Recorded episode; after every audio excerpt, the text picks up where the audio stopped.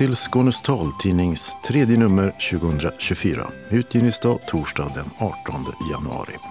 Solen går upp klockan 8.24 och ner igen 16.12. 35 minuter med dagsljus sedan nyår. I studion Mats Sundling och Åsa Kjellman Erisi. Tekniker är Martin Holmström. Och det här är innehållet. Nu ska Arbetsförmedlingen bli bättre för funktionsnedsatta med fler i arbete genom lönebidrag och fler SIUS-konsulenter. Viktiga fettsyror som ges på rätt sätt räddar synen på barn som fötts mycket för tidigt.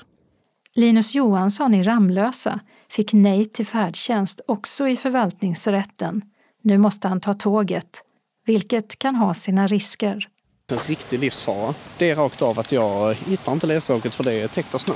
Just nu får jag bara gå så sakta, sakta, sakta. Alltså extremt sakta för att där känna att kanten till spåret är. Ja. Och när jag känner den, då backar jag ett steg tillbaka. Ny skånsk app i mobilen berättar när medicinen ska tas och Skagenröran surnar. Nu sätter jag på den. Skagenröra, kylskåp. Registreringsdatum 2023 11 16. Utgångsdatum 2023 11 21. Ny funktion i appen Be My Eyes gör det möjligt att skapa grupp av syntolkar man litar på. Episk familjeberättelse, försvunnen författare och skånsk feelgood i månadens talbokstips som kommer från biblioteken i Kävlinge. Öppnat och stängt med krogar, Coop och loppis. Evenemangstips med jazz, järnväg och jävla karar. Kalendern med bilsport och Alice Babs. Anslagstavlan är idag gemensam för hela Skåne med lokala inbjudningar och ändringar i kollektivtrafiken. Och allra sist redaktionsrutan. Funktionshinderrörelsen skrev förra året ett brev till regeringen med krav på åtgärder för att förbättra situationen på arbetsmarknaden för personer med funktionsnedsättning, som vi berättat om tidigare. Och i sitt regleringsbrev till Arbetsförmedlingen för 2024 kräver nu regeringen åtgärder på just det området. Det handlar om snabbare registrering, effektivare kontaktförmedling mellan arbetslösa och arbetsgivare och att fler ska komma i arbete med lönebidrag. Maria Kindahl är chef för avdelningen Stärka förutsättningar som har ansvar för att se till att arbetssökande med funktionsnedsättning kan få bra stöd från Arbetsförmedlingen. Vi har ju alldeles nyss fått de här uppdragen och det är ju flera olika uppdrag som berör lite olika delar i hur vi kan förbättra vårt stöd till personer som har en funktionsnedsättning som medför nedsatt arbetsförmåga. Och just nu så är vi inne i en fas där vi analyserar hur ska vi på bästa sätt kunna förändra och förbättra verksamheten och också naturligtvis återrapportera kring vad vi avser att göra och eh, gör i de här frågorna. Vad tycker du om att ni har fått de här specifika kraven eller uppgifterna? De här frågorna kring, inte minst att tidigt identifiera personer med funktionsnedsättning som medför nedsatt arbetsförmåga så att man får tillgång till rätt stöd och anpassningar det är ju för Arbetsförmedlingen och för samhället väldigt viktiga frågor och naturligtvis inte minst för individen. Så att vi ser ju positivt på att man ser vikten av det här och vi ser att vi har förutsättningar att utveckla arbetet på ett positivt sätt. Går det att uppfatta det här som en kritik mot Arbetsförmedlingens tidigare eller hittills utförda arbete i de här frågorna? Jag skulle säga att vi behöver vidareutveckla vår förmåga både att identifiera personer med funktionsnedsättning som medför nedsatt arbetsförmåga tidigt. Eh, jag tänker också att vi behöver arbeta med att bredda rekryteringar och få fler arbetsgivare att se kompetensen som finns hos personer som också har en funktionsnedsättning. Och här finns det mycket att göra. Så att, eh, att utveckla det här området är viktigt. En del i det här uppdraget som ni då har fått, det som står specifikt utskrivet är ju att förkorta tiden som det tar för att få en kod att man har en funktionsnedsättning. Um, och det står, om jag förstår det rätt, att det ska vara klart till första oktober. Ja, men precis. Vi har fått ett uppdrag eh, att minska tiden. Dels eh, handlar det om att just identifiera behovet tidigare men också att eh, göra en bedömning av behov av stöd och anpassning och att det ska gå betydligt fortare i framtiden. Utifrån det uppdraget så skulle jag säga att vi redan har ett arbete som pågår. Och här har vi skapat ett mycket mer strukturerat arbetssätt kring att identifiera funktionsnedsättning Rent konkret, vad är det som görs eller hur går det här arbetet till? Om du kan ge något exempel på åtgärder som mm. ni har gjort? En del är ju att man numera i vår inskrivning kan ange att man har en funktionsnedsättning som kan innebära nedsatt arbetsförmåga.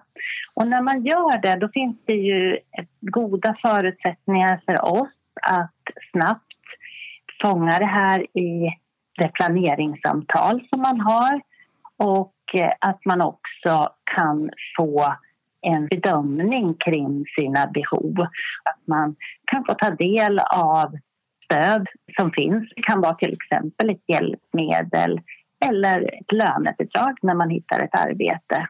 Det står också i regleringsbrevet att eh, Arbetsförmedlingen ska jobba särskilt med att förbättra den här möjligheten att sammanföra arbetssökande med funktionsnedsättning och arbetsgivare.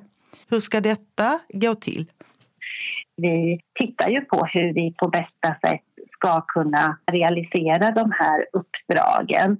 Men vi vet ju sedan tidigare att vi behöver ha en nära kontakt med arbetsgivare för att eh, man ska se den kompetens som finns hos personer som har en funktionsnedsättning. Och det här är ju ett arbete som är pågående men där vi säkert behöver också fortsätta att utveckla våra kontakter med arbetsgivare. Vi har ju också SIUS-konsulenter vilket innebär ett eh, stöd för den enskilde i att både hitta arbetet men också få arbetet och finnas kvar som stöd under eh, en period när man startar sitt nya arbete. Och här ser vi också stora möjligheter att kunna jobba för att fler personer ska kunna få en anställning med eller utan lönebidrag när man har en funktionsnedsättning. Kan du bara förklara lite vad en SIUS-konsulent är för någonting? Ja, en SIUS-konsulent är en person hos Arbetsförmedlingen som har till uppdrag att ha ett individuellt stöd. Man eh, försöker tillsammans med personen att kartlägga vilka kompetenser och vilka förutsättningar man har man arbetar för att hitta en arbetsgivare där de här förmågorna kan tas tillvara och eh, på sikt naturligtvis är ju målsättningen att man får en anställning. Om jag har förstått rätt så fanns det tidigare ganska många SIUS-konsulenter på Arbetsförmedlingen men att det inte finns lika många kvar längre som från början. Nej, det stämmer. Vi har under en period haft ett minskat antal SIUS-resurser inom Arbetsförmedlingen. Men vi ser behov av att öka det här stödet. Antalet SIUS-konsulenter kommer att öka igen. Är det så? Antalet SIUS-konsulenter har ökat inom Arbetsförmedlingen och det har de gjort sen eh, ja, halvårsskiftet 2023 ungefär, lite successivt. På vilket sätt skiljer sig det här nya arbetet som ni håller på att planera från hur ni tidigare har arbetat? Utifrån de regleringsbrev som vi har fått så kommer vi naturligtvis att planera för hur vi kommer att stärka vårt arbete. Jag skulle säga att vi har eh, många bra insatser och arbetssätt för personer med funktionsnedsättning. Men att vi naturligtvis alltid vill jobba med förbättringar och också kika om det finns saker som vi saknar i våra arbetssätt eller verktyg som vi saknar. Men vår målsättning är naturligtvis att jobba med förbättringarna kontinuerligt. Kommer ni kunna uppnå detta eller kommer det kunna bli förbättringar tror du? Jag, är, jag tycker att det är ett väldigt viktigt område och eh, jag tycker det är positivt att man lyfter fram vikten av att personer med funktionsnedsättningar har goda förutsättningar att få ett arbete. Och eh, jag tänker att vi absolut har saker att jobba vidare med. Vi gör väldigt mycket för att förbättra men eh, naturligtvis är det alltid så att vi kan och ska fortsätta utveckla våra arbetssätt och våra stöd för att än bättre kunna skapa förutsättningar för fler att ta del av arbete. Det sa Maria Kindahl, enhetschef på Arbetsförmedlingen. Ett annat uppdrag i regleringsbrevet är att anvisa fler långtidsarbetslösa med funktionsnedsättning till anställning hos Samhall och att särskilt personer under 30 år ska prioriteras. Regeringen har även tillsatt en ny utredning som ska göra en översyn av Samhalls verksamhet och komma med förbättringsförslag. Utredare är Malin Danielsson, riksdagsledamot för Liberalerna och hon ska vara klar i slutet av mars 2025. Reporter var Gunilla Kracht. Nyare forskning vid Göteborgs universitet visar att för tidigt födda barn behöver extra tillförsel av vissa fettsyror för att inte få svårartade problem med synen. I slutet av graviditeten är fettsyrornas roll nämligen extra viktig för att hjärnan och ögats näthinnor ska utvecklas riktigt. Och om barnet föds mycket för tidigt så hinner fettsyrorna inte överföras från modern som annars är fallet. Den ögonsjukdom som mycket för tidigt födda barn ofta kan råka ut för heter prematuritetsretinopati. Och följden kan bli blindhet, som alltså kan stävjas. Det vill säga om barnen får de viktiga fettsyrorna. Och om de tillförs och på rätt sätt halveras riskerna för den allvarliga sjukdomen. Dessutom har forskarna i Göteborg visat att barnen som fått fettsyrorna på korrekt vis har bättre synfunktion när de nått två och ett halvt års ålder. Det beskrivs i en studie publicerad i den ansedda medicinska tidskriften The Lancet. Tillförsel av de typer av fettsyrorna omega-6 och omega-3 som det handlar om tycks även kunna förbättra hjärnans förmåga att tolka synintryck, citerar Göteborgs-Posten Pia Lundgren som är överläkare vid Salgrenska universitetssjukhuset och docent i pediatrisk oftalmologi vid Salgrenska akademin i Göteborg. När barnen föds mycket tidigt så behöver fettsyretillskottet med vissa omega-6 och omega-3 fettsyror ges intravenöst för att barnet ska tillgodogöra sig det. Men det missar sjukvården ofta eftersom de näringslösningar som används till de för tidigt födda barnen inte innehåller fettsyrorna eller inte har getts intravenöst. I studien har 178 barn födda före graviditetsvecka 28 undersökts. När synskadade 23-åringen Linus Johansson bodde i Umeå gav förvaltningsrätten där honom rätt till färdtjänst. För ett år sedan flyttade han, som vi berättat tidigare, hem till Skåne och fick nej till färdtjänst av Skånetrafiken. Vi följer tidigare domar och gör individuella bedömningar, motiverade man beslutet. Nu har förvaltningsrätten i Malmö gett Skånetrafiken rätt det blir ingen färdtjänst för Linus. Det känns eh, bedrövligt. Det är ju, återigen så är det ett slag i ansiktet för att eh, det känns ju som att det är ingen som förstår vad problemet är. Det känns som att det är tjänstemän som sitter där och tittar på eh, papperna där det står vissa riktlinjer, och regler och praxis och allt möjligt och det står att Skånetrafiken ska vara tillgänglig och det ska finnas hållplatsutrop och det ska finnas busschaufförer och tågvärdar som hjälper till och det ska finnas eh, tillgänglighetsgarantier och, och, eh, och så vidare. Men det är ingen som är ute och ser hur det funkar i verkligheten och det är ingen som förstår hur svårt det är att ta sig till och från tåget eller bussen helt enkelt.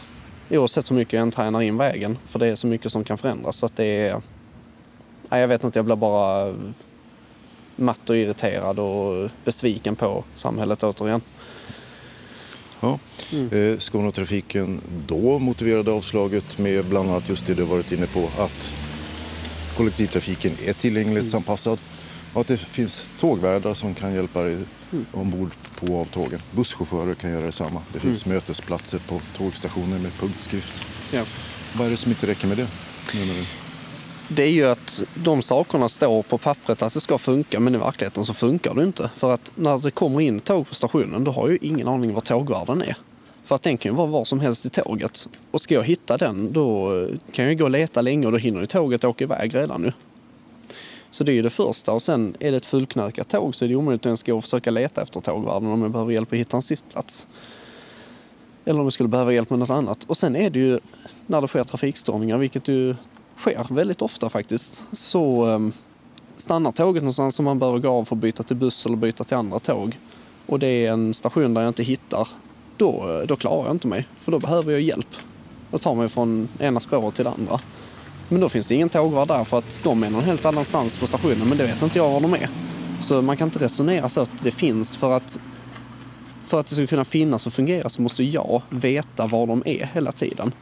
Och det vet jag inte om jag inte får information att här är tågvärden.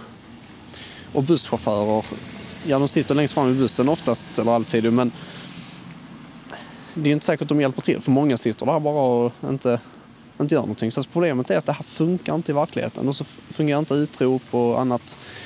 Men sen finns ju återigen problemet att jag kan inte träna in alla vägar hela tiden heller. För att ska jag någonstans spontant, då, ehm, då vet jag inte var jag ska gå när jag kommer av tåget eller bussen. Så jag hamnar på en station där jag inte överhuvudtaget vet var jag är och då ska jag försöka hitta till något nytt ställe och det kan ta jättelång tid eller vara omöjligt. Och det är där jag behöver färdtjänsten för att ta mig från dörr till dörr och vara trygg i att jag kommer fram också. Skånetrafiken och nu också förvaltningsrätten. Eh, de stödde sig på tidigare domar, rättspraxis från Stockholm bland mm. annat. Och där menar rätten nu i Malmö också att man ska kunna kräva att du ska kunna träna in, alltså att mm. gravt synskadad som du är, ska kunna träna in även nya resor och nya sträckor. Hur tänker du om det? jag kan ju träna in om jag vet långt i förväg att hit ska jag resa.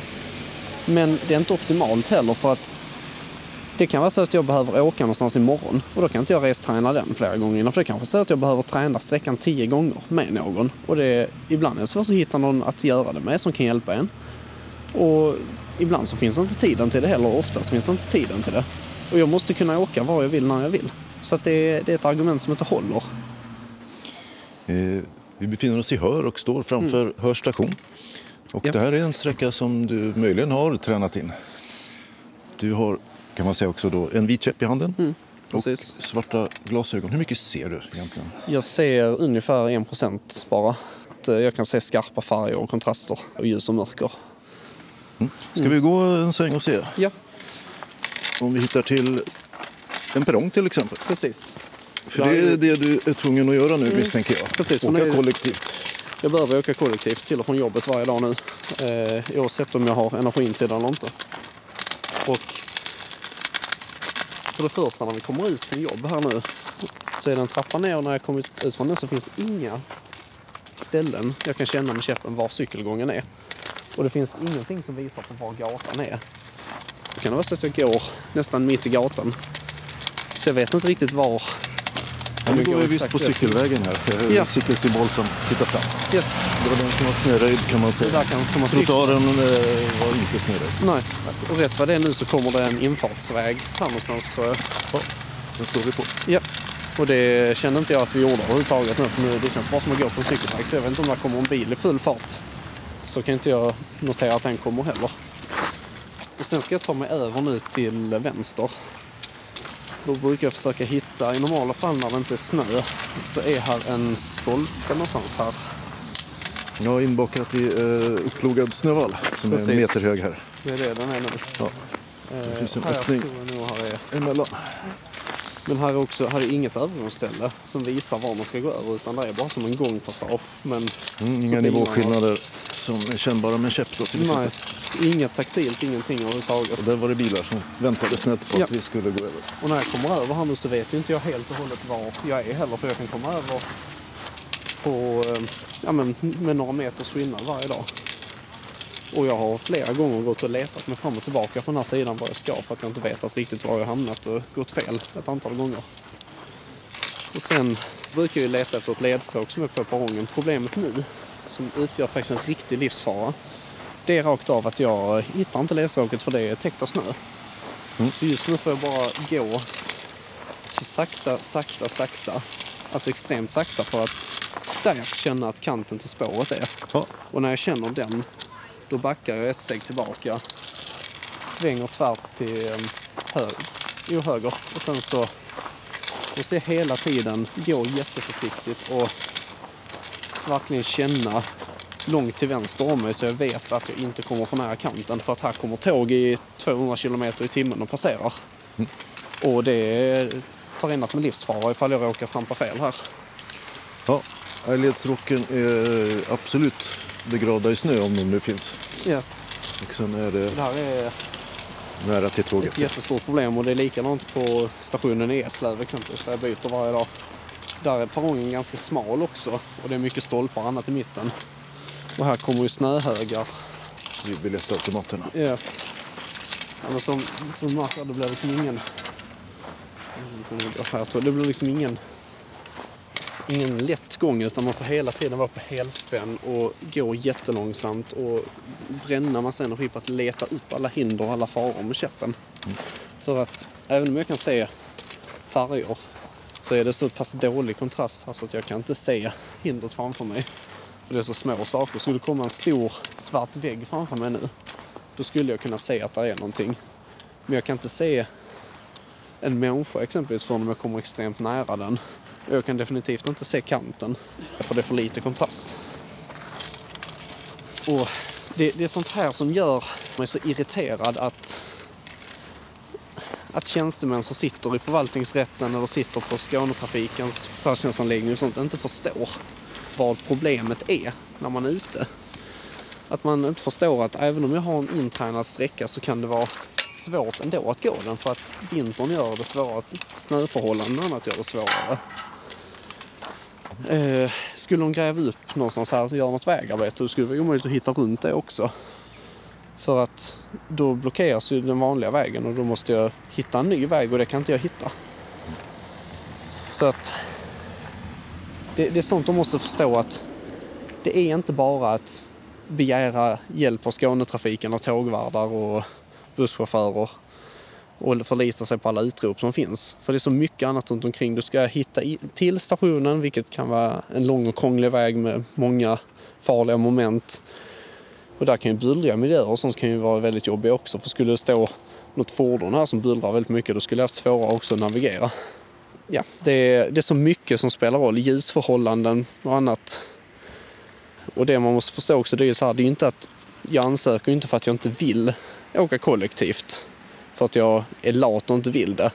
Jag vill kämpa mig igenom för att kunna åka kollektivt om jag vill göra det. Men jag, jag behöver färdtjänst för att kunna använda det de tillfällen när det inte går att åka kollektivt för att förhållandena ser ut som de gör. Exempelvis i sådana här tillfällen när det är mycket snö eller när det är väldigt mörkt sent på kvällen. Det är otryggt att vara ute i kollektivtrafiken när jag inte ser ett tillfälle där kollektivtrafiken inte går hela vägen fram och jag måste kunna hitta från tåget eller bussen till dit jag ska och jag inte vet vad det är. Alltså, ja, det Ja, du är inte nöjd med domen. Nej, Eh, verkligen Kommer inte. du att överklaga nu? Ja, vi har sökt eh, prövningstillstånd i eh, kammarrätten. Nu inväntar vi sen vi får det. Det som vi har som gör att vi mycket faktiskt söker det, det är att jag har två domar nu som säger olika saker. Jag har en dom från när jag bodde i Umeå som säger att jag har rätt till färdtjänst. Och en dom härifrån som säger att jag inte har rätt till det. Och detta säger väldigt mycket, mycket emot varandra. Det sägs att förutsättningarna med Skånetrafiken hade ju ett argument att förutsättningarna ser annorlunda här, ut här mot i Umeå. Men jag håller inte med om det längre för att man skulle kunna dra argumentet att det är mer snö i Umeå på vintern. Men här har det varit snökaos senaste veckan och här är jättemycket snö nu också. Och detta är lika mycket som att stå en eh, vårvinterdag uppe i Umeå. Så att, Ja, det är samma Ja. person som har fått två helt olika domar Mm. kan man säga. Så. och det är helt orimligt att man kan få det. och det skulle kunna du- tala för att en högre rätt. Ja, och då måste man ju ta reda på var, vilken förvaltningsrätt har gjort rätt eller fel. Men för min del så är det ju bara viktigast att jag behöver ha färdtjänst helt enkelt. Det sa Ramlösabon Linus Johansson som alltså sökt prövningstillstånd i kammarrätten i hopp om att ändra på domen. Reporter i Hör var Mats Sundling. Hör vad dina matlådor innehåller och när medicinen ska tas. Pensionerade Lundaläkaren Torgil Möller har tagit fram en app för iPhone-telefoner som ska göra vardagen lättare för den som ser dåligt eller inte alls. Den information man vill ha med läser eller skriver man in i telefonens app. Och sen kopplas innehållet till ett nummer på en etikett som man fäster på sin matlåda eller vad det nu är. Och när man riktar telefonen mot etiketten så läses informationen upp. Till exempel att burken innehåller skagenröran man just gjort. Torgny Möller visar etiketterna. Tanken är att man ska kunna köpa dem så småningom och eh, sätta dem på olika eh, föremål. Och de är lite olika utformade, olika storlekar och i olika utföranden. Där är etiketter med QR-kod och etiketter med NFC-tagg som det heter.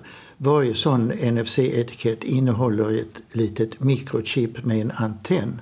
Och eh, anledningen till att man ska hålla telefonens övre kant mot dem det är för att där sitter sändaren och mottagaren i telefonen till eh, en sån här NFC-tagg med den radiofrekvensen som man använder. Så, kan du visa? Start. Rubrik. NFC-skanner. Knapp. Klar att scanna. Så.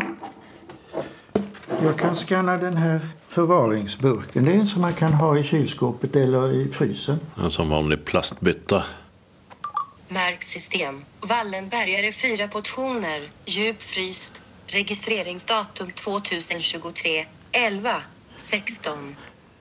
Det är de data som varje föremål, varje produkt som man registrerar får i databasen. Därför att när man har registrerat detta så ligger det alltså i en databas i telefonen.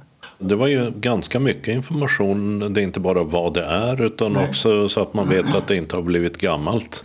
Du kan lägga till ett utgångsdatum. Och eh, då är det en funktion kopplad till detta utgångsdatum att när just den dagen passerar så kommer det ett meddelande när man öppnar appen att nu har en produkt eller två produkter uppnått utgångsdatum. Och så kan man se efter vad det är för någonting.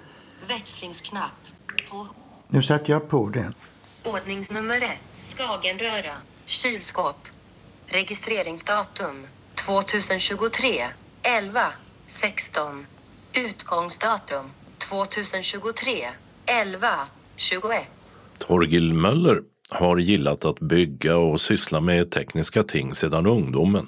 Från egenbyggda apparater i gymnasiet över ett långt yrkesliv som onkolog där han såg en lång rad nya tekniska landvinningar inom cancerbehandling komma i bruk. Men när han nu är med om att på eget bevåg utveckla ett hjälpmedel, hur gör han då? För Torgil Möller är blind sedan många år. Jag programmerar inte.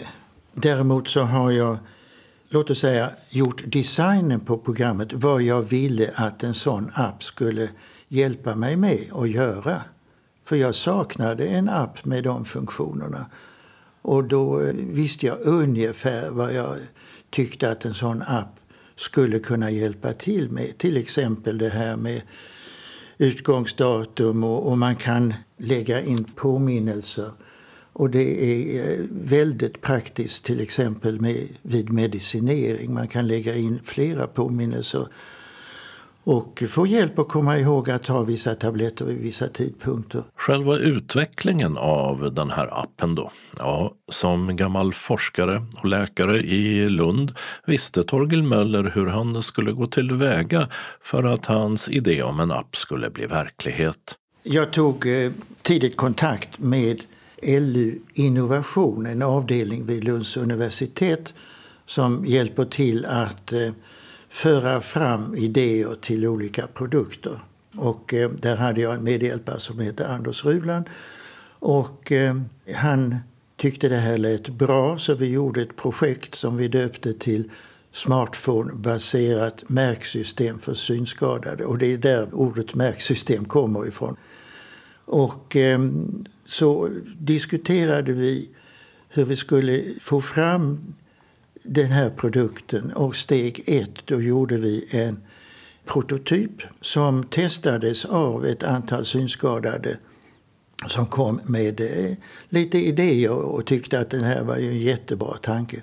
Och så gick vi vidare och så upphandlade vi, eller fick in offerter från olika firmor och så handlade vi upp en produktion hos en firma som heter Softhouse i Malmö. Och det är de som har producerat själva appen.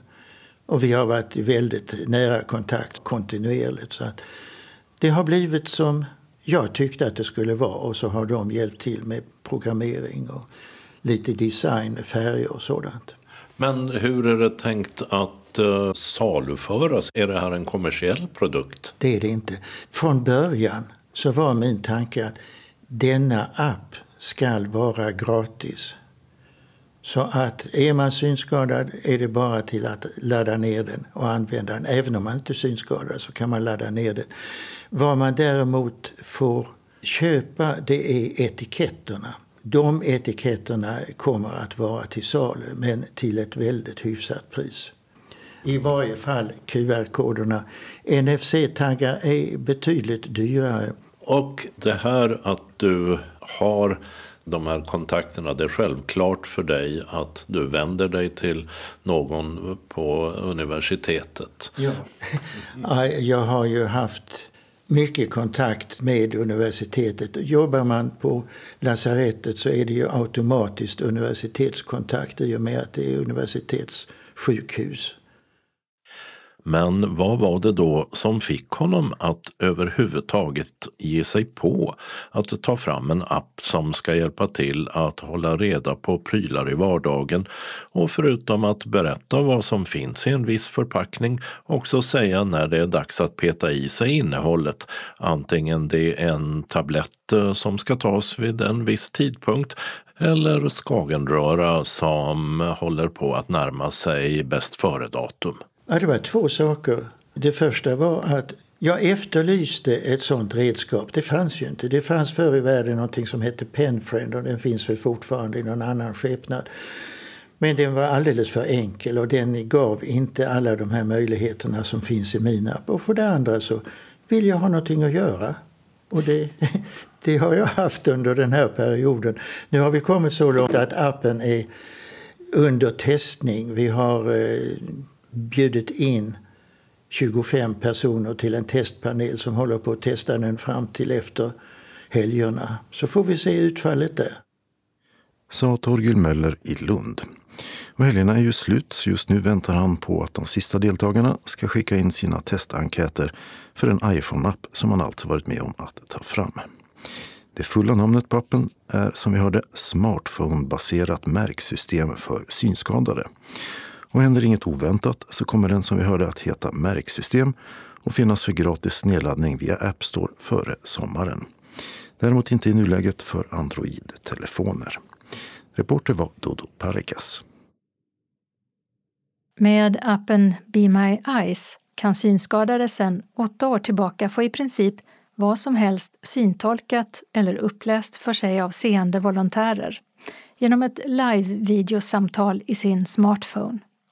Med ett knapptryck kan man kalla på hjälp och vem som helst av de volontärer som talar det valda språket kan svara. Nu finns också möjligheten att välja vilka som ska få se saker som en del kanske tvekar att visa totala främlingar. Till exempel ett medicinrecept. Genom att helt enkelt skapa en grupp av människor man litar på. Den som vill prova kan klicka på My Groups-knappen i appen och skicka inbjudningar till dem man vill ska vara med. Vänner eller familjemedlemmar till exempel. När gruppen är skapad klickar man på My Groups-knappen och får svar från den vän som först är tillgänglig. Det går att ha upp till 20 personer i en sån här cirkel av utvalda syntolkar och upp till fem grupper totalt. Den nya funktionen betatestas nu, det vill säga den som provar uppmanas ge återkoppling på hur den funkar. Be My Eyes är gratis att använda och finns för både iPhone och Android-lurar.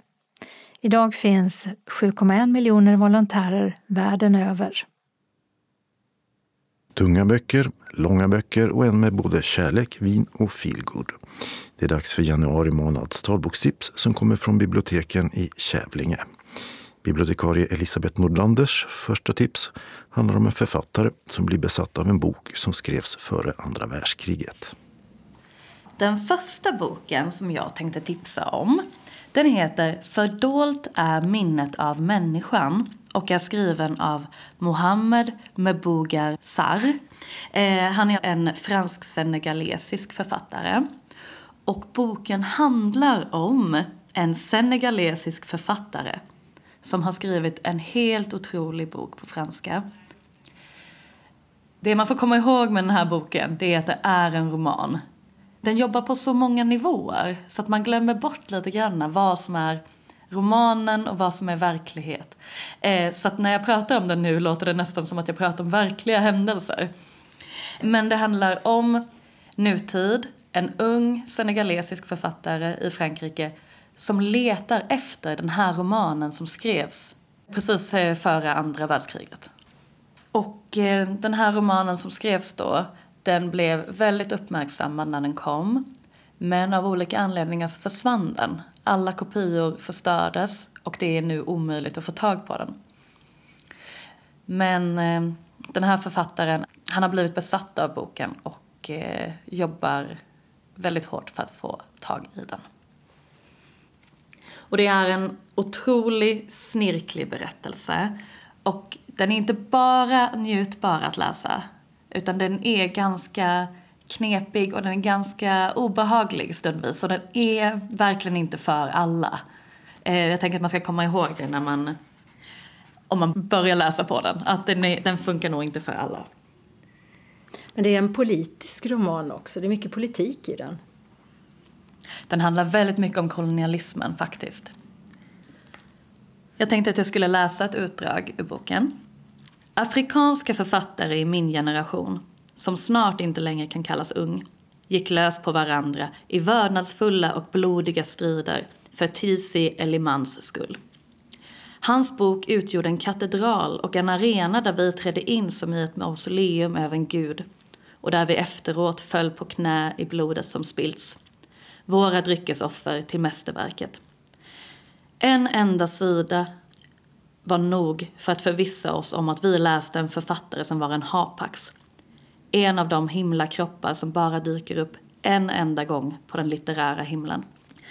Jag minns en av de många middagar då vi ägnade oss åt hans bok. Mitt i diskussionen sa Beatrice, den sensuella och energiska Beatrice Nanga, att endast de sanna författarnas böcker förtjänade hetsiga diskussioner. Att det bara var de som likt starksprit fick sinnet att rinna över. Och att vi vanhedrade litteraturen om vi, för att slappt uppnå ett ryggradslöst konsensus, flydde den passionerade konflikt böckerna manade till. En sann författare, tillade hon, skapar debatter på liv och död hos de sanna läsarna som alltid befinner sig i krig och om ni inte är redo att dö när ni plockar upp hans kvarlevor på Buskashi-arenan kan ni sticka och dö i det där ljumma hästpisset som ni förväxlar med förstklassigt öl. Då är ni allt utom läsare, än mindre författare. Jag höll med Beatrice Nanga i hennes flammande appell. T.C. Elliman var inte en klassiker, han var kult. Den litterära myten är ett spelbord. Eliman hade satt sig där och vunnit med de tre starkaste trumfkort man kan ha. För det första hade han valt ett namn med mystiska initialer. För det andra hade han bara skrivit en enda bok. Och för det tredje hade han försvunnit spårlöst. Så ja, det gällde att ge sig in i matchen och tillskanska sig hans kvarlevor. Även om man kunde betvivla att det verkligen hade existerat en man som hette T.C. Elleman eller om man undrade om det inte var en pseudonym för en författare som tagit sig det för att driva med den litterära världen eller för att undkomma den, kunde ingen ifrågasätta den mäktiga sanningen i boken. När man slagit igen den brusade livet rent och mäktigt inom en. En bok om en bok alltså? Ja, kort sagt så är det det. Och den är väldigt... Den är mystisk, den är obehaglig och den är samtidigt eh, väldigt insugande. Den får en att eh, känna med de här karaktärerna i det här nästan febriga sökandet efter sanningen bakom det här försvunna verket. Men den andra boken du har valt, den är helt annorlunda. Det kan man säga att den är. Det är Jonas Hassen Kemiris Systrarna. Och det är en talbok med text. Inläsare är Martin Jonols. Och den är 17 timmar och 51 minuter. Och den finns även som punktskrift. Och Systrarna handlar om unga Jonas som minns sin barndom och de mötena som han har haft med systrarna Mikkola. Det här är systrar som påverkar hans liv från att han är liten upp till vuxen ålder. Systrarna består då av den äldsta systern Ina, mellansyster Evelyn och den yngsta flickan Anastasia. Och när flickorna växer upp så påverkar de varandra och de påverkas av sin uppväxt. Och det här är, jag skulle vilja säga att det är en briljant skildring av att växa upp på 90-tal, tidigt 2000-tal, att försöka leva sitt liv och eh, göra det samtidigt som arvet och miljön drar en åt olika håll. Och medan Jonas växer upp så växer systrarna upp och deras liv flätas in på olika sätt i varandra. Flickorna växer upp med tron att en förbannelse vilar över dem. Och eh, det här är en förbannelse som säger att allting som de älskar kommer tas ifrån dem. Och jag tänkte att jag skulle läsa ett utdrag även ur Systrarna. Där eh, Jonas pappa har eh, lurat Jonas att klippa av sig sitt långa hår. Och pappan säger, berätta inte det här för mamma. Jag lovade mig själv att jag aldrig skulle prata med honom igen. Aldrig någonsin. Och jag skulle aldrig klippa mig i den där salongen igen. Och jag skulle definitivt berätta för mamma. Jag skulle berätta allt och jag skulle inte gråta. Men först måste vi ta oss hem utan tårar. För jag visste att om pappa såg mig gråta skulle han titta på mig och gå därifrån. För ingenting gjorde honom mer äcklad än att se sin egen son gråta ute bland folk. Gråta över en hårklippning. Snälla, Hans son var 11 år gammal och visste ingenting om livet. Och om några år skulle hans son tacka honom för den här insikten. Han skulle komma till honom och säga Tack pappa, tack för att du såg till att ingen trodde att jag var en tjej. Tack för att du inte brydde dig om min önskan så att jag inte behövde gå igenom högstadiet och kriga mot gayrykten. Tack för att du från en så tidig ålder visade mig språkets makt. Vem vet, Hans son kanske skulle göra det där som han själv drömt om hela livet. Tänk om han blev författare. Namnet Kemiri skulle finnas på bibliotek. Hans son skulle skriva långa böcker om sin fantastiska pappa. Hur han lärde ut viktiga livsvisdomar redan när hans son var elva. Det här är ju en eh, väldigt lång bok. Tycker du att eh, man fortsätter att vara intresserad hela, hela tiden?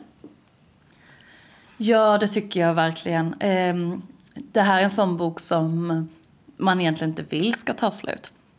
Utan som man... man väldigt gärna drar ut på länge. Man, eh, man skulle kunna leva med den här boken i flera år egentligen, tycker jag. Och hur kände du när den tog slut? Det känns tomt faktiskt. Det är en sån bok som känns, det känns lite tomt när den, är, när den är slut. Och det kanske har att göra med längden också. Att man får lov att vara med de här människorna och verkligen lära känna dem. Och då känns det lite ensamt när de försvinner. Och så var den eh, Augustpris-nominerad också som bästa roman. Just det, väl värt att ta upp. Du hade en tredje bok också. Ja, precis. Och som eh, eh, min tredje bok så tänkte jag tipsa om Vingården för vilda drömmar av Caroline Säfstrand. Och eh, det är en talbok med text och inläsare är Marika Bergström. Och den är 12 timmar och 23 minuter lång. Och den finns också som punktskrift. Och det här är en feelgood-roman. Eh, den handlar om Erika. Hon har varit med om en väldigt tragisk olycka. Och den här olyckan har förändrat hennes förhållande till hennes man i grunden. Från att ha haft ett bra förhållande så orkar hon knappt prata med honom längre. Och när han föreslår att de ska börja gå i parterapi och terapeuten föreslår att de ska gå på dejt och lära känna varandra igen. Då slutar det med att Erika vänder och går iväg till tågstationen istället. Och eh, på måfå väljer hon ett tåg och sätter sig på det. Och det här tåget går emot Helsingborg. Och när hon sitter på tåget så läser hon den här tågtidningen och där eh, ser hon en annons för en vingård eh, i Arild. Och eh, det finns ju vingårdar där. Men det här är ju såklart en fiktiv vingård. Och eh, då tar hon bussen dit. För det finns nämligen eh, rum att hyra där. Så hon kommer dit och hamnar på den här vingården. Och eh, det visar sig att vingården har ganska stora problem. Den har funnits i några år nu, men den har fortfarande aldrig gett någon vinst. Men eh, när Erika kommer dit så lyckas hon såklart ändra på allting. det låter feel good. Det är otroligt feel good, men det är, det är feel good med smarta människor och otroligt vackra miljöskildringar. Fruktansvärt fint. Det är mysiga och färgstarka grannar, det är äldre män med spännande barndomsberättelser och då framförallt en man i Erikas ålder som verkligen behöver hjälp med den här vingården. Så kärlek också? Ja, det blir lite kärlek också. Och eh, behöver man någonting upplyftande efter de här första lite tyngre böckerna så kan man verkligen vända sig till Caroline Säfstrands eh, roman. Och hon skriver en hel del. Ja, hon är väldigt produktiv inom feelgood, ja precis. Och, eh, ja, och hon, är, hon är jättebra. Elisabeth Nordlander, bibliotekarie i Kävlinge, gav sina tips på tre talböcker. Och de böckerna var Fördolt är minnet av människan av Mohammed Mbougar Sar. Systrarna av Jonas Hassen Kemiri och Vingården för vilda drömmar av Caroline Säfström. Reporter var Åsa Kjellman Erisi. Öppnat och stängt. I Båstad pågår en ombyggnad av kommunhuset och därför flyttar verksamheten Individ och familj därifrån till tillfälliga lokaler i Grevie med adress Järnvägsgatan 41. Efterhand kommer fler kommunala verksamheter att flyttas till Grevie och kommunhuset beräknas vara färdigrenoverat i slutet av 2025. I Västra Karup, också i Båstads kommun, har idrottsföreningens loppisbutik flyttat in i nya lokaler på Häradsvägen 27. Öppettiderna är tisdagar 14 17 och lördagar 11 14. I Höganäs har apoteket Kronan på Storgatan 33A stängt. I Malmö på Södra Förstadsgatan 86 låg i decennier den grekiska restaurangen Plaka. I lokalen har nu den kinesiska restaurangen Vind, eller Vin D, öppnat. Och de vill vara en modern Kinakrog med skandinavisk inredning och mat från Shanghai. Namnet skrivs Vin kolon stort D och de två sista ser ut som en sms-smiley. Ordet lär betyda stil. I Malmö har den japanska restaurangen Sakanaya på Södra Vallgatan 3 vid Södertull stängt. I Malmö har Coop-butiken i Nettos tidigare lokal på Östra Förstadsgatan 34 stängt på grund av dålig lönsamhet. Kunderna hänvisas istället till Coop på Värnhemstorget. I Bromölla har Coop också beslutat att lägga ner butiken den sista mars. Även den är en tidigare nettobutik som togs över av livsmedelskedjan för tre år sedan och som liksom flera av dem går med förlust. Från april blir närmsta Coop de båda som finns i Sölvesborg. I Örkelljunga har Sparbanken Boken öppnat på Storgatan 3 där det bland annat har huserat en klädbutik. Öppet är det måndag till onsdag samt fredag. Sen tidigare finns banken i Hisshult och Skånes Fagerhult. I Hässleholm har nattklubben The Crown på Järnvägsgatan 7 stängt för gott. Fastighetsägaren letar ny hyresgäst. Evenemangstips och vi börjar med livesyntolkad film på Göteborgs filmfestival för de som har tänkt sig en tur dit. Den 27 januari visas filmen Hantering av odöda på Stora Teatern Kungsparken 1 i Göteborg med start klockan 13. Dagen efter, den 28 januari, visas Ett tufft år på Biopalatset Kungstorget 2 klockan 19. Den 1 februari klockan 15 är platsen Hagabion på Linnégatan 21. Och där är det åtta kortfilmer i filmfestivalens kortfilmstävling Startsladden 2024 som livesyntolkas. Och den 3 februari heter filmen Club Zero som visas klockan 20.30 på biografen Draken. Och Draken har adressen Hörlins plats 15. Dagen därpå, den 4 februari, heter filmen Kallak och visas på Bio Roy med start klockan 16.45. För samtliga filmer gäller att biljetter kan bokas hos alltomsyntolkning.nu och de kostar 110 kronor per biljett förutom startsladden som kostar 75 kronor. Och samling är en halvtimme före bion startar för utdelning av mottagare samt presentation av filmen. På Veberöds bibliotek i Romelrummet är det boksamtal tisdagen den 23 januari om Susanne Alakoskis bok Bomullsängeln klockan 15 till 16. Och boken som gavs ut 2019 finns både som punktskriftsbok och talbok med text. I Blå salongen på Hässleholms kulturhus spelas det jazz med MTQ, Mads Tolling Quartet, den 23 januari klockan 19.30 till 22. Instrumenten som spelas är fiol, gitarr, bas och trummor och det är fri entré för alla upp till 18 år, medan övriga betalar 200 till 250 kronor. Och biljetterna säljs av biljettkassan på Hässleholms kulturhus. På biblioteket i Osby är det musikfrågesport, eller quiz, 24 januari klockan 18. Det är fri entré och bjuds på lyxig macka och snacks. Föranmälan 0479 52 82 10. Utan föranmälan kan man den 31 januari klockan 18 lyssna till en föreläsning på biblioteket i Osby om vem som är lycklig och varför. Och föreläsare är Erik Agner, professor i praktisk filosofi på Stockholms universitet. På Järnvägens museum i Ängelholm kan man höra om den så kallade Pyttebanans historia den 25 januari klockan 19 till 20.30 den 14 mars, samma tid, är temat Ängelholm-Landskrona järnväg. Och det är fri entré. Adressen är Barnskolevägen 11. På biblioteket i Simrishamn börjar en läsecirkel om läsandets kraft och litteraturens påverkan på våra liv med början den 25 januari.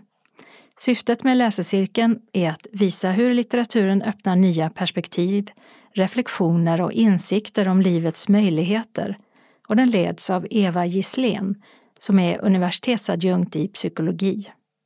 Litteratursamtalen kommer att utgå från olika typer av litterära genrer. Det blir fyra träffar under våren och övriga datum för träffarna är 22 februari, 21 mars och 18 april. Alla startar klockan 16.30. Litteraturen och texterna väljs löpande utifrån samtalen och deltagarna. Till första träffen behöver man inte ha läst någon text. Det är begränsat antal platser och föranmälan på 0414 81 90 00 eller mejl biblioteket simrishamn.se. Och på Simrishamns bibliotek är det också öppen verkstad, ett forum för lärande och delning av kunskap som har några träffar under våren. Den 25 januari är det en ljudverkstad där ljud utforskas med ljudkonstnären, musikern och pedagogen Herman Minsing och där deltagarna bjuds in för att skapa olika ljud tillsammans. Den 22 februari har den öppna verkstaden rubriken Fröbyte med växt och odlingstips. Och då kan man dela med sig av egna fröer med andra men också få med andras fröer hem. En månad senare, den 21 mars, är det grunderna i stickning som lärs ut. Och sista träffen är den 18 april då det handlar om att minska sin klimatpåverkan. Alla träffar är mellan 16 till 18.30 och ingen anmälan behövs. Har du frågor så svarar kultursamordnare Sofie Sveger på dem på telefonnummer 0414 81 93 33. Malmö Opera åker på turné i Skåne med rockmusikalen The Last Five Years. Musikalen handlar om förälskelse ur olika tidsperspektiv. Jamie berättar historien om sitt förhållande med Katie kronologiskt i musikalen.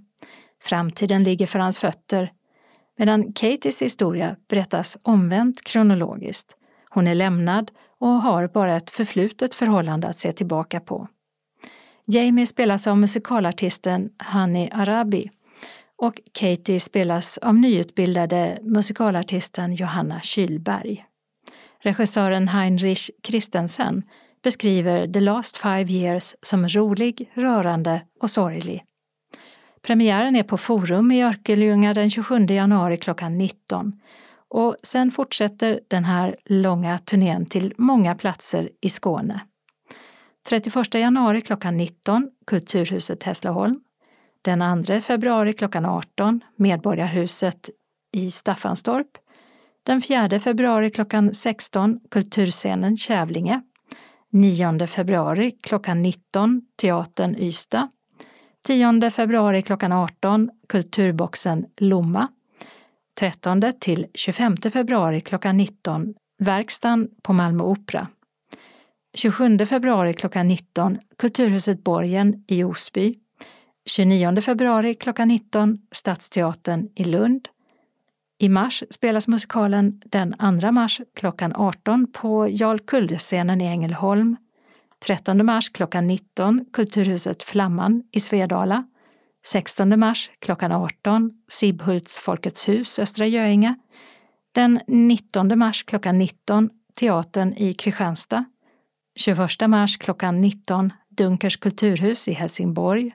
24 mars klockan 16 Teaterhallen Tomelilla och även i april spelas The Last Five Years och den 7 april klockan 16 ser man den i Tivolihuset i Höganäs. Den 12 april klockan 19 Biografteatern Flora i Sjöbo och 13 april klockan 17 Humlescenen i Bromölla. 19 april klockan 19 Teatern i Landskrona och sista chansen att se föreställningen är den 21 april klockan 16 i Medborgarhuset i Eslöv. Föreställningen är 90 minuter lång och biljetterna säljs av respektive arrangör och arrangörerna går att nå via Malmö Operas hemsida. Augustprisvinnaren Andre Walden som fick romanpris för boken Jävla karar kommer på författarbesök till Dalby bibliotek den 2 februari klockan 18 till 19.20. Föranmälan via mejl till biblioteket.dalby.lund.se. Två dagar senare, den 4 februari, kommer han till stadsbiblioteket i Lund, Atriumgården och samtalar med Cecilia Lindgren som är bibliotekarie. Och det här är mellan 14 till 15. Ingen föranmälan behövs och det är fri entré. My Music Story, alltså min musikaliska historia, är en konsert med Janne Schaffer med musik från 60-talets popband via ABBA och Ted Gärdestad till Björn Gison Lind och Electric Banana Band. Den 23 februari klockan 19 kan man se dem på Ystad Teater. Eventim säljer biljetter för 525 kronor och mycket är redan sålt. Countrysångerskan Jill Johnson åker på turné i vår med Jill and the Johnsons och kommer till The Tivoli i Helsingborg den 4 maj klockan 20.30. Några veckor senare, den 17 maj 20.00, är hon tillbaka i Skåne med sitt band och då är det Mejeriet i Lund som är scen för framträdandet. Live Nation säljer biljetter för 595 kronor. Det är onumrerade ståplatser som gäller och den undre åldersgränsen är 13 år. Dörrarna öppnar en timme före framträdandet. Biljettinformation. Syntolkning nu 031 360 84 45. Malmö Opera 040 20 85 00. Hässleholms kulturhus 0451 26 66 70. Eventim 0771 65 10 00. Kalendern årets fjärde vecka börjar med måndagen den 22 januari då Vincent och Victor har namnsdag. I Strasbourg i Frankrike deltar riksdagens delegation i Europarådets parlamentariska församlings session som pågår till den 26 januari. Och där diskuteras bland annat viktiga framtidsfrågor för Europa. Medan det i Friends Arena i Solna är idrottsgala där förutom Radiosportens Jerringpris också ska utses Årets kvinnliga och manliga idrottare, Årets prestation, Nykomling och Årets lag samt Årets ledare. Och bland de nominerade finns Armand Duplantis i stavhopp, Sandra Näslund skikross, Daniel Ståhl diskus och damlandslaget i fotboll bland många andra framgångsrika idrottare och lagledare. För hundra år sedan blev Ramsay MacDonald premiärminister i Storbritannien och det var första gången landet fick en regering ledd av Labourpartiet. Tisdagen den 23 januari har Frej och Freja namnsdag. I riksdagen är det interpellationsdebatt där ministrarna svarar på frågor från riksdagsledamöterna.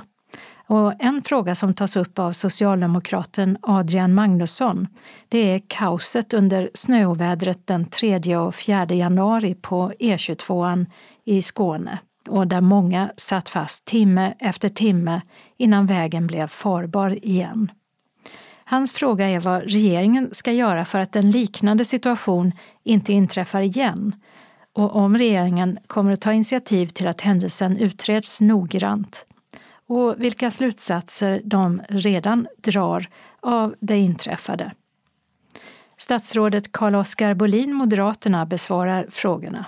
Och debatten som också handlar om krigs och krisberedskapens påverkan på privathushållen, bland många andra frågor, direktsänds via riksdagens webb-tv från klockan 13. Onsdagen den 24 januari är det Rika som ska gratuleras på namnsdagen. VM i segling, laser för herrar, inleds i Adelaide i Australien medan skidskytte-EM börjar i Slovakien. Torsdagen den 25 januari heter namnsdagsbarnen Paul och Paul. För hundra år sedan invigdes de första olympiska vinterspelen i Chamonix i franska alperna. Fram till 1992 hölls vinterspelen alltid samma år som sommarspelen men därefter började man hålla dem under de jämna år då sommarspelen inte hålls. Och när det gäller bilsport så är det VM-premiär i rally i Monte Carlo. Fredagen den 26 januari är det Bodil och Boel som har namnsdag. tickles me. Latti-do-di-do, what can it be? Do do gets in your hair. Do do is everywhere. Is it from a symphony by Liszt or Mozart? Or at living from a baby in the go-kart? La-di-do-di-do, this funny phrase La-di-do-di-do is now the craze För hundra år sedan föddes Alice Babs, då med efternamnet Nilsson. Hon var en av Sveriges mest framgångsrika jazzsångerskor. och var omåttligt populär både i Sverige och senare även utomlands. Och här hörde vi henne sjunga i samarbete med Duke Ellington. Men hon arbetade också med Louis Armstrong bland andra storheter. Förutom att sjunga både jazz, barnvisor och slagers så var hon också skådespelare i ett tjugotal musikfilmer. Genombrottet kom tidigt i filmen Swing it magistern.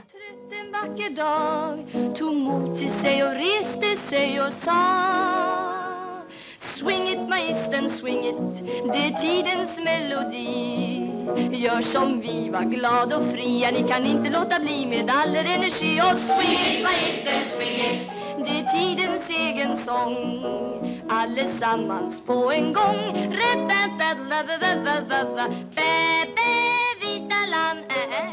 Och 1972 utsågs Alice Babs till hovsångare. Och Alice Babs gick bort för tio år sedan. Lördagen den 27 januari har Göte och Göta namnsdag och det är Förintelsens minnesdag som är en FN-dag. Söndagen den 28 februari är det kungens namnsdag, Karl. Namnsdag har också Karla. Och svenska flaggan, om man har en sån, ska hissas. I Finland är det en spännande dag eftersom det är valdag och finländarna ska välja ny president efter avgående Sauli Niinistö. Presidentval är det vart sjätte år och om ingen kandidat får mer än hälften av rösterna den 28 januari, då blir det en andra valomgång den 11 februari. Då är det de två kandidater som fick flest röster i första omgången som väljarna har att rösta emellan. I handbolls-EM, som Sverige vann sist det begav sig för två år sedan, spelas både final och bronsmatch i Tyskland denna dag och finalen den spelas i Köln. Anslagstavlan har idag bara en lokal del. Jag börjar med en inbjudan från SRF Kristianstad-Bromölla samt Östra Göinge till medlemmarna och till vattengymnastik varje fredag klockan 12 till 13 i CSKs varmvattenbassäng med start den 2 februari till den 3 maj. I första hand bereds platser till synskadade. I mån av plats till övriga medlemmar. Om du får en plats kontaktas du via telefon senast den 29 januari. Det är ett stort intresse av att delta. Därför behöver du som fått en plats nyttja den. Får du förhinder eller vill avsäga dig platsen, kontakta oss så fort som möjligt så att någon annan kan erbjudas den. Max antal deltagare är 12. Anmälan görs till Anita Svensson, telefon 044 533 09 senast tisdag den 25 januari. När Anita är förhindrad att svara, var vänlig anmäl på telefonsvararen eller lämna namn och nummer så ringer hon upp. Anmälan kan också göras på anitasvensson 109 gmail.com. Det kostar 300 kronor per termin som betalas in på bankgiro 899-9245 eller via swish nummer 12 33 66 93 48. Uppge namn och aktivitet vid inbetalning och anmälan är bindande. Varmt välkomna till nyttig men skonsam motion för hela kroppen. SRF Lundabygden har några inbjudningar. Först till stickträff den 22 januari. Kom och sticka tillsammans. Nu är stickningen större än någonsin och det går alldeles utmärkt att sticka även om man inte ser. Vi träffas varannan måndag mellan klockan 14 och 16 för att sticka tillsammans. Ge inspiration, tips och råd. Har vi tid så blir det en liten fika också. Ja, Cecilia har lång erfarenhet av att sticka utan att se. Och jag kommer att hålla i träffarna. Förhoppningsvis kan jag hjälpa dig att komma igång med din stickning eller hjälpa till när du kört fast. Undrar du över något så ring 070-640 11 23. Vi håller till i föreningslokalen på Tordensvägen 4i i Lund. Sista anmälningsdag 19 januari och du anmäler dig till samtliga evenemang hos vårt kansli på 046 211 06 74 eller via e-post lundabygden srf.nu. Vattengymnastiken startar 23 januari. Då är det äntligen dags att dra igång vårterminen. Detta är ett utmärkt sätt att träna på ett skonsamt sätt för kropp och leder. Vi samlas på Habogård där Pia Tinsu leder vattengymnastiken. Hon är själv med i bassängen och visar alla rörelser så det är lätt för alla att hänga med. Vattengymnastiken har vi på tisdagar mellan klockan 14 och 15 på Habogård på Habovägen 6 i Lomma. Det blir 12 gånger med lite fika efteråt, så boka inte färdtjänst för tidigt. Antalet deltagare är begränsat till 8. Deltagaravgiften är 200 kronor som betalas in på bankgiro 506-9992 eller via swish 123 582 87 44. Sista anmälningsdag 19 januari. Det blir ett medlemsmöte 25 januari, årets första och denna kvällen får vi besök av Mats Sundling från Skånes taltidning. Han berättar om tidningen och om de olika sätten som du kan prenumerera. Under medlemsmötet kommer också att få en uppdatering på hur arbetet med källarprojektet fortskrider och dessutom ska verksamhetsplanen för 2024 fastställas. Detta är ett ypperligt tillfälle att få information om vad som händer, men också en möjlighet att påverka verksamheten. Så du missar väl inte chansen att göra din röst hörd. Handlingarna till mötet kommer att sändas ut en vecka före mötet till dig som anmält dig. Under kvällen bjuds det på kaffe och smörgås. Vi är i föreningslokalen och drar igång klockan 18 och beräknar vara klara 20.30. Sista anmälningsdag 19 januari. SRF Lundabygden bjuder till sist in till en kväll med kost och hälsa i fokus den 31 januari. Att ta hand om sig själv är väldigt viktigt och att äta hälsosamt innebär inte att du måste avstå från livets goda. Det finns många olika sätt att motionera och hålla igång kroppen. Men det är också viktigt att kroppen får en chans till återhämtning. Elin Tienso kommer till vår föreningslokal och berättar mer om kost, hälsa, motion och sömn. Hon kommer också att ge enkla tips och råd som vi alla kan ha nytta av i vår vardag. Detta är föreningens lokal klockan 18 till 20.30 och denna kväll bjuds det på en hälsosam och smarrig fika. Sista anmälningsdag 24 januari till vårt kansli. Välkommen! SRF Malmö Svedala har två inbjudningar. Först till dagverksamheten. Måndag den 22 januari klockan 13 till 15 blir det tidningsläsning och frågesport. Tisdag 23 januari klockan 13 till 15.15 15, bingo och fika. Kaffe och smörgås eller kaka serveras för 10 kronor. Och man anmäler sig till kansliet om man tänker komma senast klockan 10 samma dag.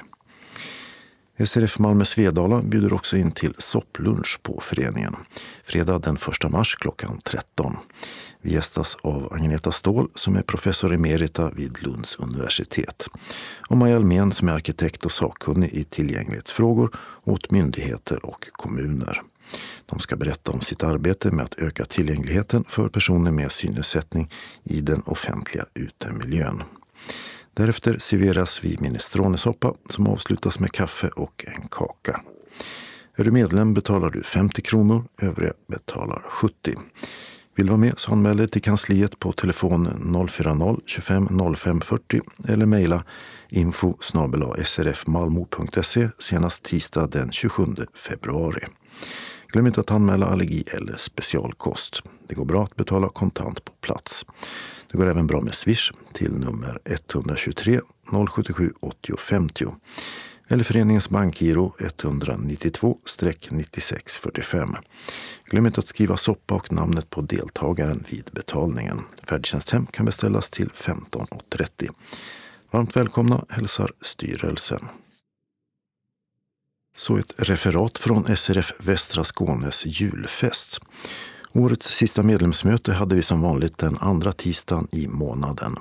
Den här gången började vi tidigare än vanligt, redan klockan 12. Därför var det lätt att minnas tiden 12, 12, 12. Prick 12 slog ordförande Hans Olin klubban i bordet och vi fortsatte med sedvanliga förhandlingar. Kanske lite snabbare än vanligt eftersom glöggen väntade.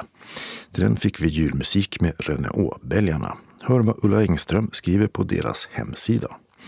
Igår hade SRF i Helsingborg sin årliga julfest. Ett 30-tal medlemmar kom för att äta julbord och få lyssna på populära Renault-bälgarna. Det blev en fantastisk mixning av jul och populär musik. Efter all god mat bjöd jag upp till långdans och det var bara ett fåtal som valde att sitta kvar. Självklart fick vi musiken till Hej tomtegubbar och nu är det jul igen. Vi höll stadigt i varandra så rollatorer och vita käppar var överflödiga. Allt avslutades med raketen. Det var flera som var framme och tackade musikerna personligen och jag hörde någon viska att de måste bli vårt husband. Efter uppvärmning med glögg tog allvaret vid. I vårt styrelserum fanns all den goda maten framdukad. Skickliga dirigenter ordnade så att bord efter bord fick gå och ta. Ingen kö, alla goda och glada. Under tiden vi åt och pratade spelade musiken. Det blev en riktigt härlig julstämning. Gunnel Lovén har dragit det tunga lasset med att organisera medan Monica Kuylenstierna sprang omkring och ordnade under festen. Sen var det min uppgift att diska. Och där kom lite av det jag missat tidigare, brunkålen. När jag sen la ner bunken i diskon var den tom. Vilken tur att jag fick smaka. Förstår ni nu varför jag tar på mig att diska? Medan jag stod där kom långdansen slingrande förbi. Sen var det dags för kaffe och goda hemmagjorda tummakakor. Tack Solveig Martinsson. När vi lugnat ner oss läste Maria Fernbom Tomten av Viktor Rydberg. Säkert den bästa uppläsningen vi hört. Efter det startade Maria lottdragningen. Det fanns många fina vinster att ta med hem. Bra att tomten i form av Hans Olin varit där och lämnat sina julklappar för nu började färdtjänstbilarna komma. Det var en riktigt fin julfest. Vid tangenterna Christer H. Redaktionskommitté Gunnel Lovén Gussing och Stina Bodil Andersson. Vi avslutar med några tillfälliga ändringar i kollektivtrafiken. Tågen först. Nu i helgen ska det göras flera stora underhållsarbeten och tågen mellan Lund och Kristianstad och mellan Lund och Älmhult ställs in från klockan fem på lördag morgon den 20 januari till måndag morgon klockan 03.15. Samma tid är även tågen inställda mellan Hässleholm och Älmhult, Hässleholm och Tyringe och Hässleholm-Markaryd. Vissa andra tågavgångar är inställda eller så kör de en annan rutt än den vanliga. Bussar ersätter tågtrafiken. Regionbuss 558 har fått en hållplats stängd för gott och ersatt med en ny. Detta på grund av att E22 byggs ut och på en sträcka har en ny parallell lokalväg öppnats. Hållplats Knutehusvägen läge A mot Bromölla ersätts av den tillfälliga läge Y på denna nya väg 240 meter österut. Och Knutehusvägen läge B mot Kristianstad till ersätts av läge X cirka 75 meter i nordvästlig riktning på den nya vägen. Och den hållplatsen kommer så småningom att bli permanent. I Bjuv fortsätter ett stort arbete på Södra Storgatan och i måndags stängde regionbuss 250 och 251 hållplats Varagården med hänvisning till hållplatsen Gruvgatan knappt 400 meter åt nordväst på samma gata. Stängde också hållplatsen Selleberga och ersätts av en tillfällig hållplats på Billesholmsvägen 260 meter åt sydost. Och så ska det vara där till den 11 mars klockan 16.